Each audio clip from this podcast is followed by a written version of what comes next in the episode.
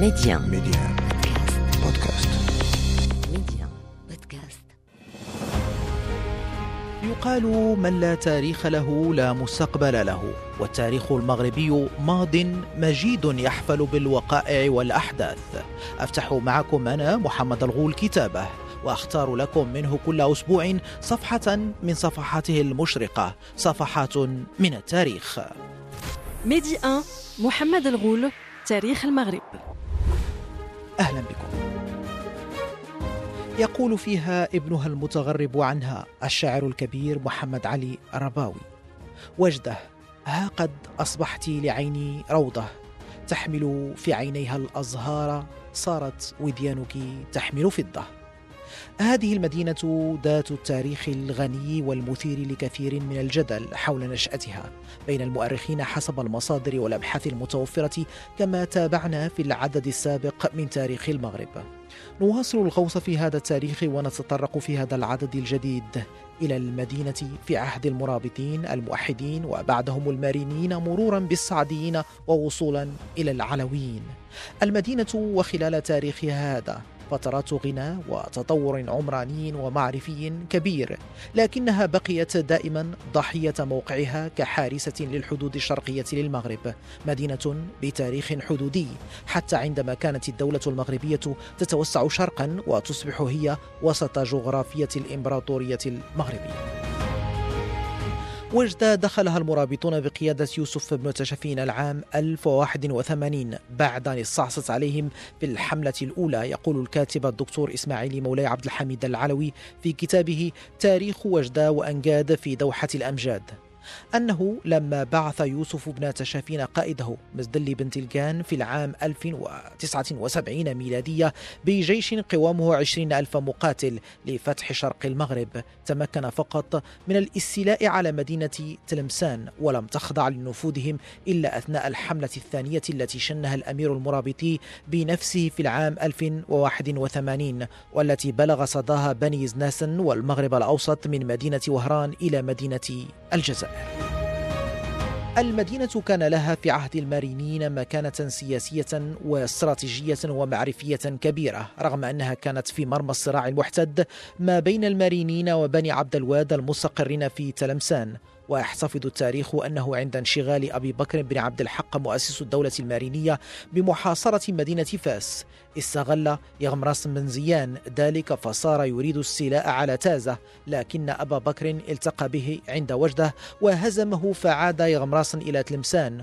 ويقال أنه خلال هذه الفترة تم هدم المدينة بالكامل. ويقول في هذا الإطار الكاتب الدكتور إسماعيل مولاي عبد الحميد العلوي في كتابه تاريخ وجده وأنجاد في دوحة الأمجاد.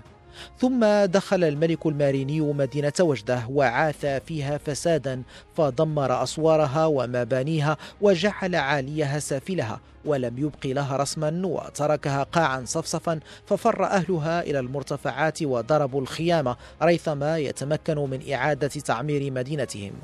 والكاتب هنا يشير إلى فعل السلطان يعقوب بن يوسف الماريني ويرى الكاتب أن فعله بالمدينة هذا كان عقابا لها على ما اعتبره خيانة وموالاة لبعض أهلها لبني عبد الواد قبل أن يعاد بناؤها فيما بعد. حيث يقول الكاتب الدكتور إسماعيل مولاي عبد الحميد العلوي في مؤلفه تاريخ وجدة وأنجاد في دوحة الأمجاد دائما أن المارينيين أنفسهم أعادوا بناء المدينة حيث يحكي ففي السنة الأخيرة كلف السلطان يعقوب بن يوسف أخاه أبا يحيى بجمع الفعلة لتجديد أسوار مدينة وجدة ومنها انطلقت الجيوش التي حاصرت مدينة تلمسان ما بين العامين 2299 إلى العام 1306 ميلادية وأسست في ضاحيتها حصن المنصورة وتوغلت في المغرب الأوسط حينا من الدهر. وفي موقع آخر من الكتاب يقول ففي العام 695 للهجرة هدم يعقوب بن يوسف أسوارها وهو في طريقه إلى تلمسان إلا أنه في العام 697 للهجرة أعاد تحصينها واتخذ بها قصبة ودارا لسكناه وحماما ومسجدا. موقع وجدة جعلها دائما نقطة للصراع المحتدم الذي تصيبها فيه شظاياه واستمر قدر المدينة على نفس النهج. فخلال فترة السعديين كانت المدينة عرضة للأضرار الناتجة عن الصراع مع العثمانيين الأتراك في الجزائر. فقد تعرضت أسوارها للتخريب خلال حروب الكر والفر. وضع استمر كذلك خلال فترة الدولة العلوية حتى تمكن المولى إسماعيل من استرجاع المدينة من الأتراك. في هذا الخصوص يقول الكاتب الدكتور إسماعيل مولاي عبد الحميد العلوي في مؤلفه تاريخ وجدة وأنجاد في دوحة الأمجاد. ففي العام 1678 توجه بجيشه ويشير هنا إلى المولى إسماعيل إلى ما وراء وادي تفنة ليؤكد أهمية الحد بينه وبين جيرانه. وأثناء ذلك أمر بتجديد أسوار مدينة وجدة وتحصيناتها. وفي العام 1679 شحنها بحامية إضافية عرب الشبانات وزرارة الذين نقلهم من منطقة الحوز وولى عليهم أبا البقاء العياشي بن زويعر الزراري. فضيقوا الخناق على شيعة الأتراك من بني يزناس ومنعوه من الحرث ببسيط أنجاد كما أنه آمن السبل ببناء ثلاث قلاع الرقادة بسهل تريفة العيون سيدي ملوك وبوغربة قرب نهر ملوية وأنزل بكل واحدة منها 500 فارس. ثم يضيف ولقد كرر على التخوم المغربية العثمانية الغارات ففي العام 1682 أرغم الجيش المعتدي أن يتراجع من بني يزناس ومن دار ابن مشعل. الأتراك العثمانيون في الجزائر عاودوا احتلال مدينة وجدة في القرن التالي ففي عهد المولى سليمان بن محمد مستغلين الظروف المناخية التي تميزت بجفاف حاد دفع القبائل إلى الهجرة عن المنطقة. لكن الاحتلال التركي كان قصيرا هذه المرة بالمدينة حيث غادروها لما علموا بأن الجيش المغربي قادم في عشرين ألف رجل من فاس بقيادة كل من محمد بن خدة وعبد الله بن الخضر وعياد بن أبي شفرة. وهكذا دواليك كان تاريخ وجده تاريخ ما بين صراع واستقرار ولكنه كان تاريخ صمود وحضور. وفي هذا يقول الدكتور إسماعيل مولاي عبد الحميد العلوي في مؤلفه تاريخ وجدة وأنجاد في دوحة الأمجاد أن بعض الشواهد التاريخية تشير غير ما مرة إلى عوارض النكبات التي تلاحقت على مدينة وجدة والتي بلغت درجة من العنف والتخريب والتحطيم كادت تمحوها من خارطة البلاد لولا عوامل البقاء والحياة التي كانت راسخة في أرضها وسكانها. هذا إذا كان عرضا مختصرا لبعض من أبرز المراحل التاريخية لمدينة وجدة بتاريخها الزاخر بالأحداث وهو ما سنحاول تقريبكم منه أكثر من خلال هذه الأعداد المتتالية من تاريخ المغرب مع ضيفنا الدكتور بدر المقري الأستاذ بجامعة محمد الأول بوجدة. أستاذ بدر مرحبا بك على إذاعة ميديا وهذا العدد الجديد من تاريخ المغرب. شكرا إذا أستاذ بدر كما يستشف من المصادر التاريخية المتوفرة أن تاريخ المدينة آه، كان دائما تاريخ صراع سياسي لمدينة آه، دائما ربما كانت في الحدود رغم حتى عندما كانت تتطور آه، الدولة المغربية في اتجاه الشرق. تصبح مدينة وجدة في قلب الدولة المغربية لكنها تبقى تحتفظ دائما بذلك الموقع بوابة المغرب إن صح التعبير من الجهة الشرقية. فلذلك محمد يعني الأمر الطريف هو انه وجد ضحية موقعها الجغرافي.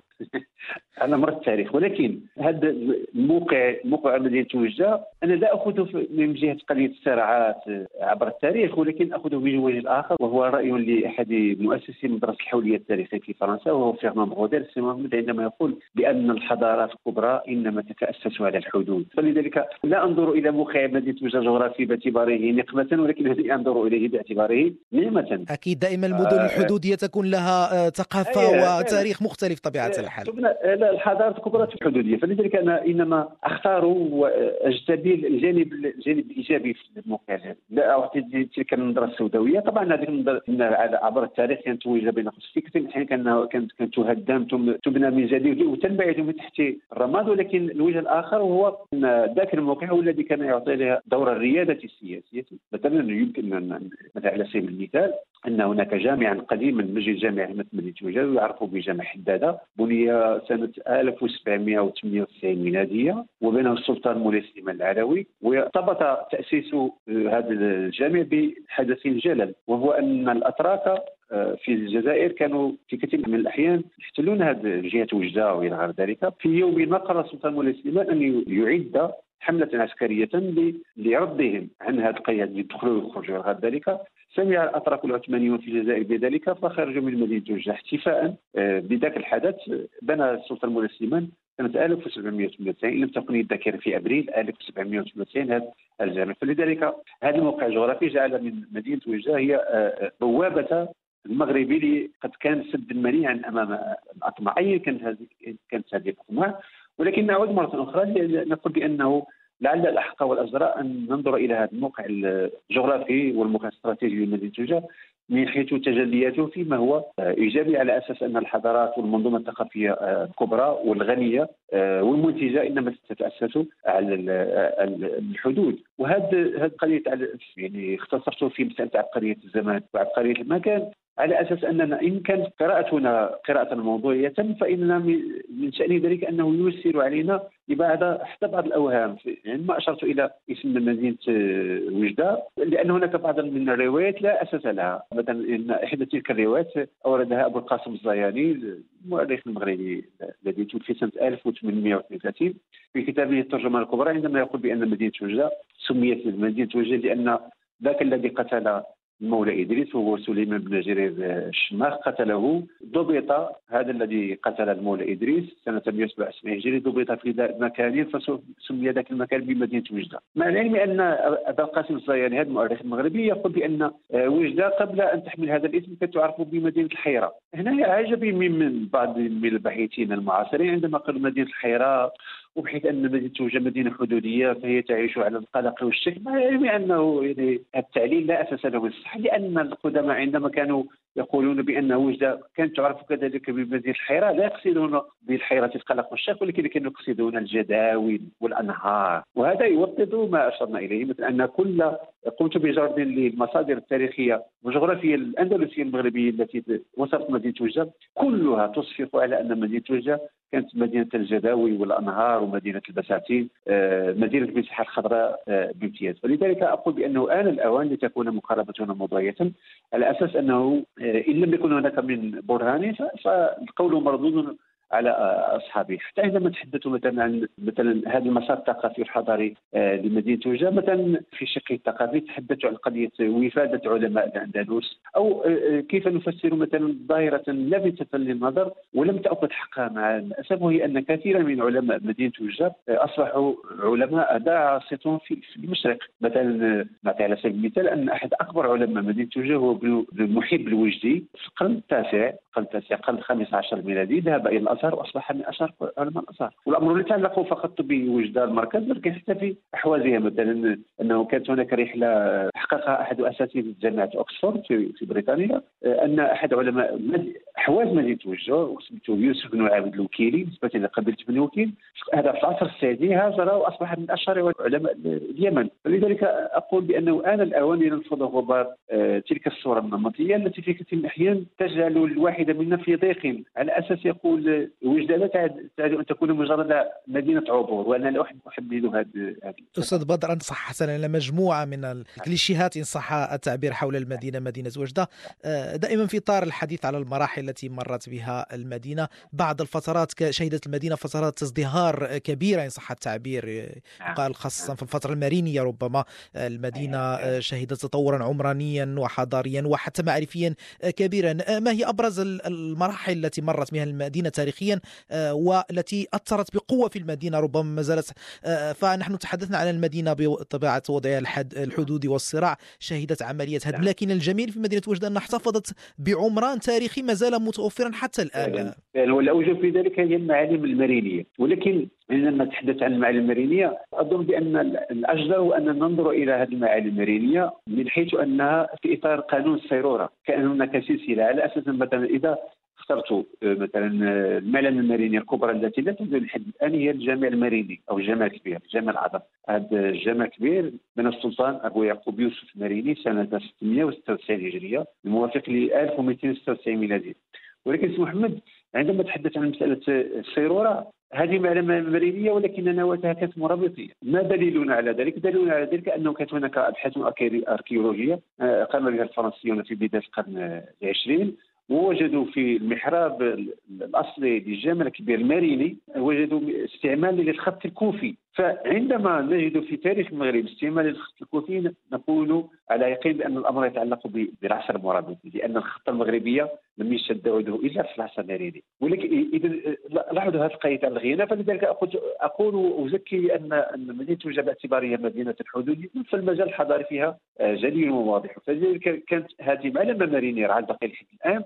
ولكن النواه التحل الأولى كانت مربيتية ثم موحديه هل قيد المحطة الموحديه آه، آه، هناك من من دليل ومن حجة على مدينه توجه باعتبارها صرحا موحديا طبعا هناك مصدر عنوانه أخبار مهدي بن تومرت المؤرخ المغربي هو البيدق الصناجي الذي توفي حوالي 524 هجري القرن السادس آه، الهجري الثاني عشر ميلادي. فهذا النص المطبوع فيه الرواية الآتية هو أن المهدي بن تومرت نزل مدينة وجدة لكن بالنسبة لي هذا المعطى لا يقدر بثمن. ولذلك عندما أشرت ولا يزال لسانك أرضا بأنه أيها الناس تعالوا إلى كلمة سواء. لنجعل من تاريخنا مادة تستثمر في السياحة الثقافية. طبعا لا يمكن أن ينخرط في السياحة الثقافية إلا لمن كان يؤمن بقيمة التاريخ وقيمة الثقافة وقيمة الحضارة. فلذلك عندما أقول أيها الناس إن المهدي بن تومر نزل مدينة توجد وفي هذا النص على أن المهدي بن تومر صلى في الجامع الأعظم.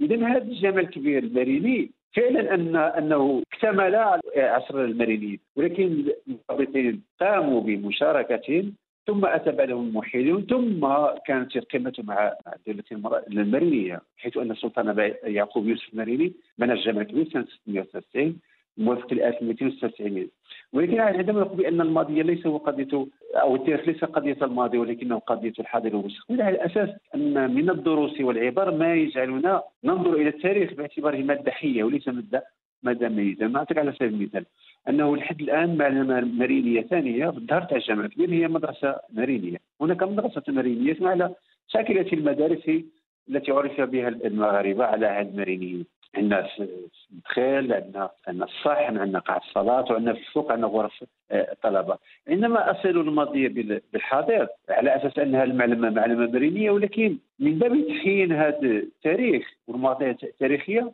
مثلا قلنا بأن هذه المعالم بنيت في القرن السابع الهجري 96 هجرية 1296 ميلادية ولكن حتى هذه هذه المعلمه المارينيه كانت حية حتى في الفترة المعاصرة. مثلا يعلم الناس أنها المدرسة المارينيه التي قد يمر الناس امامها ولا يدركون قيمتها. مثلا أنه إلى غاية سنة 1947 كان طلبة المقيمون في هذه المدرسة عندهم واحد واحد السنة حميدة واحد العاده واش هي؟ هي سلطان الطلبة. آه سلطان الطلبة. ما معنى أن الطالب النجيب يكون في هذه المدرسة المارينيه الطالب النجيب كان يحتفل به لمدة ثلاث أيام في واحد الواحة آه، سميتها واحد سيدي يحيى في ضواحي مدينه وجه الواحه المعروفة بطبيعة الحال. أي ثلاث أيام آه، يعني كأنه السلطان. ثم هذه الأموال التي كان تهدى للسلطان الطلبه لذلك الطالب النجيب كانت تقتنى بها آه، كتب. أنا بالنسبة لي هذا المعطى لو أدركنا قيمة التاريخ قلنا بين قوسين هذا كسمح واحد القضية. أنه في دول أخرى مثلا لو اخذناها بالاعتبار مثلا الولايات المتحدة الأمريكية مسارها الحضاري والثقافي. طبعا لا, آه، يمكن أن نقيسه على المسار الثقافي والحضاري الطويل جدا والغني للمغربي. ولكن في الضفة الأخرى نحب يجعلوا منها قبة. أكيد أكيد. هنا بين قوسين مثلا في سياق آخر غربي مثلا وكنت شاهدا على ذلك. يكفيك مثال جيراننا الإسبان ربما؟ كيف يهتمون بالتاريخ معلمه غير هكا ويدير لك واحد اللوحة رخاميه والناس يتوفدون نقول لهم أيها الناس لا تدركون قيمة التاريخ. نقول لكم هذه مدرسة مارينيه لكم مدينه وجده وأنتم لا تدركونها. أنا في كثير من الأحيان أجد نفسي في في ضيق كبير و يعني الاسى يعتصر قلبي عندما تتحدث لأحد عن المعالم المريده في مدينه وجده يقول لك أول مرة سمعنا هذا الشيء. لذلك أقول من لا ذاكرة له لا هوية له عن أي هوية مغربية تتحدث إذا كنت تجهل تاريخك. فلذلك عندما نتحدث عن سلطنة الطلبه إلى غاية 1947 عندما منعتها الإدارة الاستعماريه الفرنسيه بل أكثر من ذلك ان هذه المدرسة المارينيه في مدينة وجده كانت قبله لي سبقت طلاب العلم في مدينة وجده كانوا يفيدون عليها حتى من من الجزائر المتغرب الجزائري. ووجدت الغريب في الأمر وجدت في مادة ارشيفيه فرنسيه كتبت سنة 1890 على أن نظام الدراسات العليا في الكراسي العلمية كانت هناك ثلاثة كراسي في مدينة وجده كانوا زوج في الجامع الكبير ماريني وواحد في مسجد سيدي غصبه وكان طلاب العلم في الغرب الجزائري في الدروما وفي تلمسان في وهران ومستغانم يفيدون لمتابعة ما يشبه الدراسات العليا في العلوم الشرعية إما يختارون الكراسي العلمية تاع مدينه توجه أو يمشوا للقروية في مدينة فاس لذلك يعني ليس من حق أحدهم أن يلخص هذا المسار التاريخي التاريخي مدينة وجدة. الدكتور بدر المقري الأستاذ بجامعة محمد الأول بوجدة شكرا جزيلا لك على كل هذه المعطيات القيمة نواصل معك الأسبوع المقبل الغوص أكثر في هذا التاريخ الزاخر لمدينة وجدة. شكرا سي محمد. مستمعينا أعاود تذكيركم أنه يمكنكم الاستماع وإعادة الاستماع لأعداد تاريخ المغرب حصريا عبر تحميل تطبيق ميدي أن بودكاست. إلى اللقاء. ميدي 1 محمد الغول تاريخ المغرب.